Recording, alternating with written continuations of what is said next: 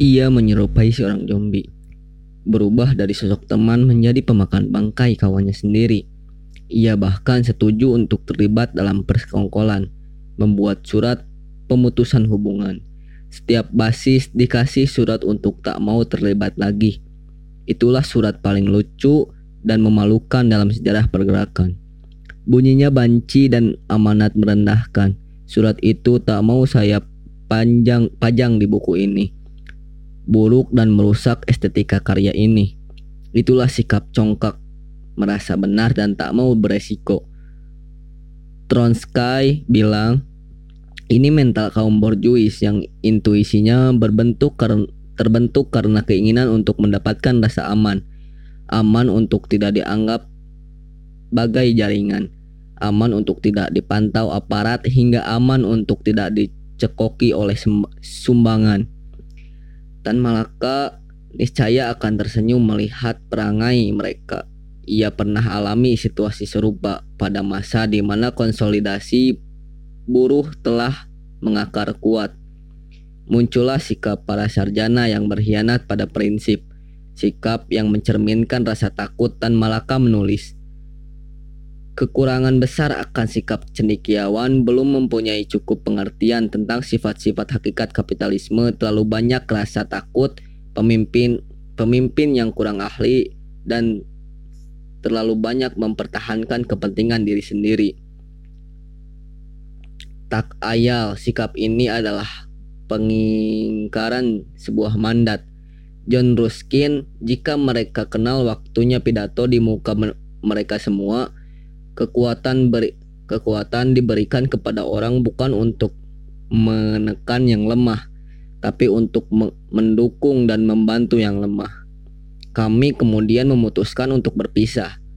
Kami tahu ada kepedihan, tapi juga kami yakin di sana ada kegelisahan. Ruang batin sejenak terganggu, tapi waktu akan menghapuskannya. Kami memilih untuk bahagia dengan menunjukkan rasa cinta kami pada mereka yang selama ini bersama bukan gertakan tapi uluran tangan seperti yang kami lakukan selama ini. Dali lama berkata, "Jika kita orang jika kita ingin orang lain bahagia, berlatihlah menunjukkan rasa cinta.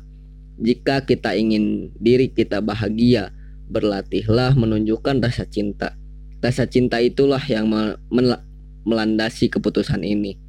Sebuah rasa yang mengalirkan apa yang kini dinamai dengan keberanian dan pengorbanan. Keberanian itu apa artinya? Wiji Tukul melukiskan dalam puisi yang diberinya, diberinya judul Pepatah Buron. Penindasan adalah guru paling jujur. Bagi yang mengalami, lihatlah tindakan penguasa bukan retorika, bukan pidatonya.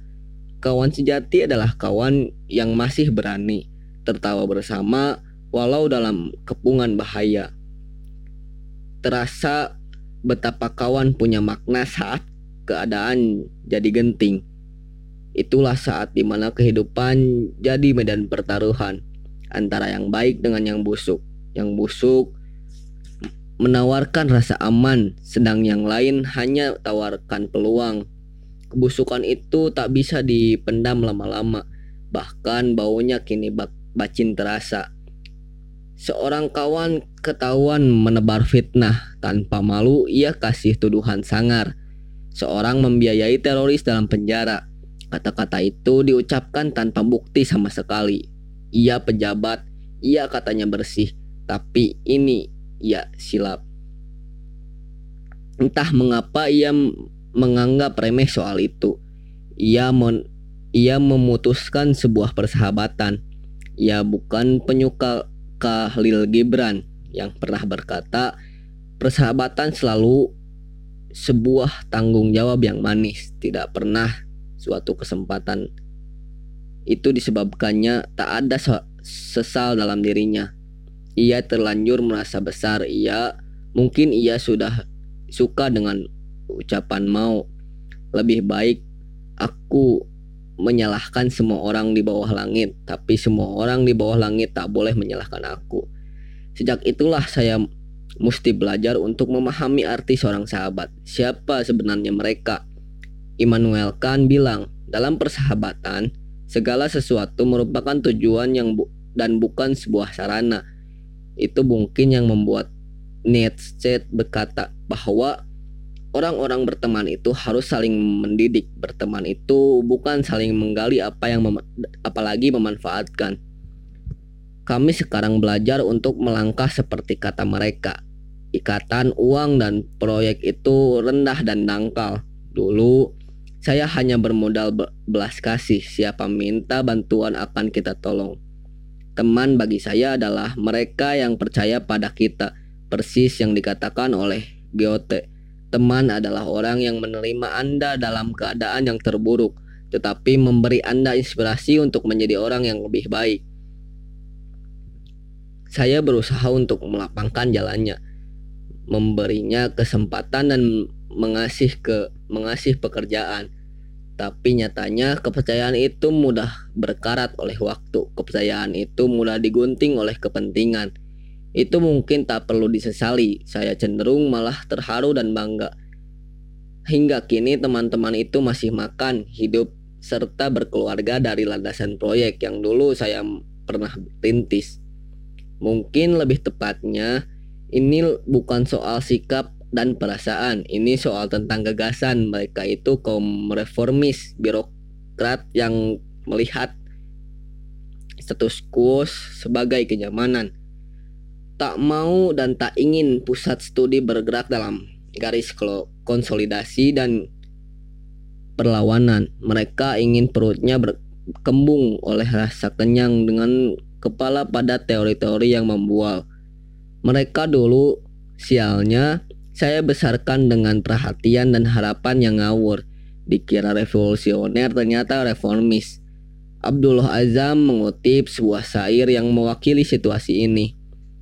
Kekuasaan itu datang menurut kadar keteguhan. Penghormatan itu datang menurut kadar kemuliaan.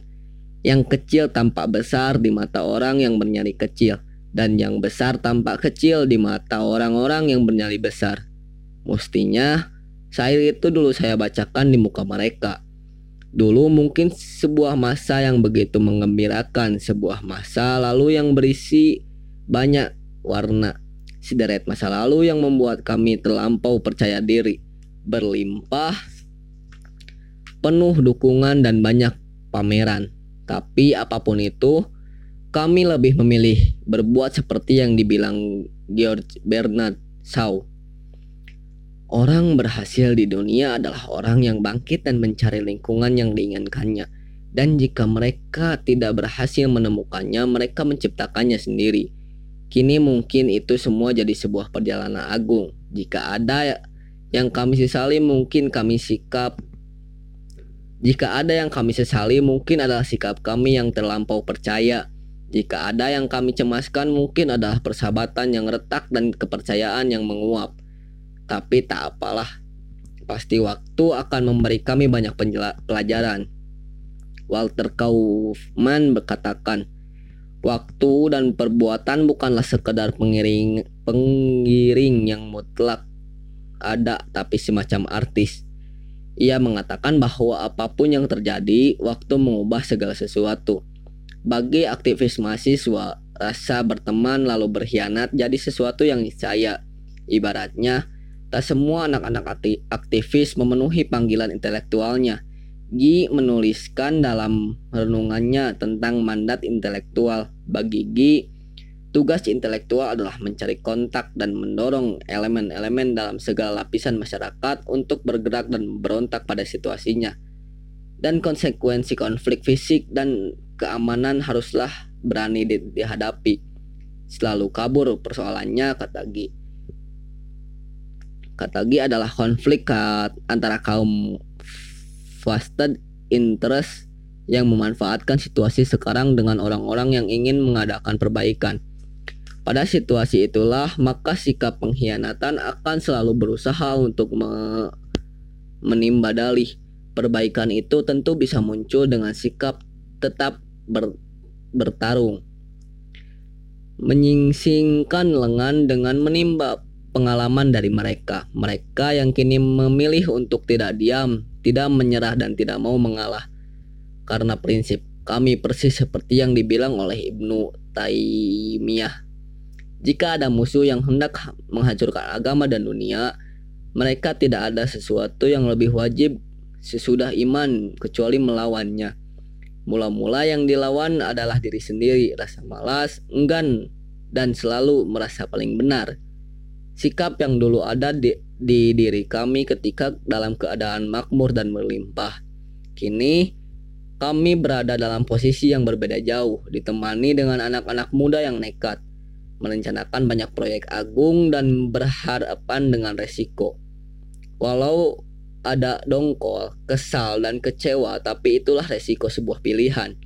Cipto Mangunkusumo mungkin contoh paling radikal dalam melawan situasi yang baginya tak adil.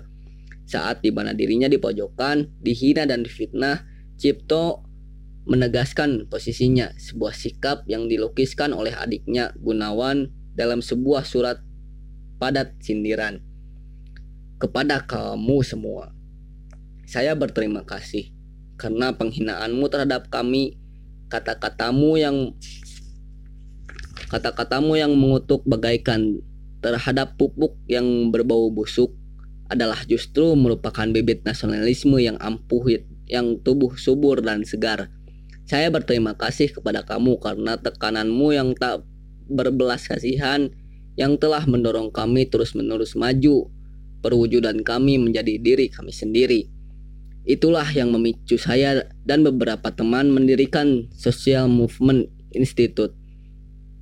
Lembaga yang pada awal pendiriannya bermodalkan sedekah seorang guru ngaji.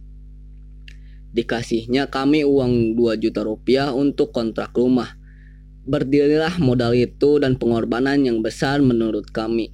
Kami terharu, bangga, dan tersenyum. Kami memulai kantor ini dengan semangat riang dan penuh persahabatan suasana yang selalu iring, iringi hari-hari. Kredo kami seperti kalimat Peter Jilahi dalam novelnya Hari-hari Terakhir Sang Diktator. Menangis adalah buruk, tertawa adalah baik. Takut ad adalah buruk, gembira adalah baik. Lawan dari buruk adalah baik. Kami mau membuat sesuatu yang baik dari kepercayaan yang sederhana dan seadanya. Kini dengan sejumput kepercayaan itulah kami memulai pertempuran melawan para pengecut dan ketakutannya. Sebuah perang yang dilukiskan dengan keyakinan oleh Cipto Mangunkusumo. Secara fisik orang-orang Pandawa lemah, tetapi kekuatan mereka terletak dalam hak mereka untuk memulai pertempuran perang Barata. Bendera berda, perang Barata berdarah itu. Karena itu, apa hak kita untuk menghindari pertempuran atau menghindarinya karena kita kurang mempunyai semangat kesatria, kurang keyakinan dalam keberanian kita. Tidak, tidak. Di Kurusetra kita harus berada karena perang Barata ada di sana. Mungkin perang Barata yang menjadi pilihan kami satu-satunya, sebuah perang yang bukan sekedar memastikan mana pengecut dan mana kesatria tapi perang yang ingin memantaskan kembali makna perjuangan, persahabatan, dan komitmen. Sebuah pilihan yang sayangnya tak banyak yang mengikutinya. Pilihan yang saya rasa jadi buah manis kelak. Karena itulah pilihan yang membuat kita berpikir tentang ke kesukaran, kesukaran dan derita orang lain. Saya rasa benar jika seorang ibu bijak berkata, waktu lebih baik digunakan untuk memikirkan tentang penderitaan, penderitaan orang lain ketimbang kesulitan diri sendiri. Maka di antara kecamuk sikap takut, khawatir dan munafik itulah perjuangan jadi tampak menawan. Yang dihadapi bukan sekedar struktur kesadaran palsu, tapi juga sistem yang lambat dengan para penghuninya yang mati jiwanya. Mungkin belenggu itulah yang harus dipecah, menyitir kalimat Lenin banyak hal yang tertinggal di dunia ini yang harus dihancurkan dengan api dan baja. Kini, belenggu itu hendak kami lawan dengan api semangat. Beban itu mau ditang ditanggalkan kami dan kami hendak berpetualang dalam pemikiran dangkar dangkarya. Kami ingin jadi saksi sejarah atas tiap peristiwa demi peristiwa. Kesaksian yang niscaya akan jadi pertanggungjawaban kami semua. Bahkan dalam situasi kusut kami tidak diam, apalagi sembunyi. Kami berdiri tegak dan bekerja di dalamnya. Kesaksian itu punya maksud tunggal, menyampaikan harapan. Entah itu di antara aktivis muslim, gerakan petani, gerakan buruh, dan yang pasti gerakan mahasiswa. Kami melangkah seperti bunyi bait puisi Sri Sugiyarti pada koran Penghela Rakyat 4 Juni 1947. Nyalakan lagi lilin ini. Empat pagi, jangan mati, jangan padam, nyalakan terus. Dengarlah, dengarlah. Alam ayam jantan berkokok nyaring. Hari menjelang pagi, pajar harapan, jangan mati, jangan mati.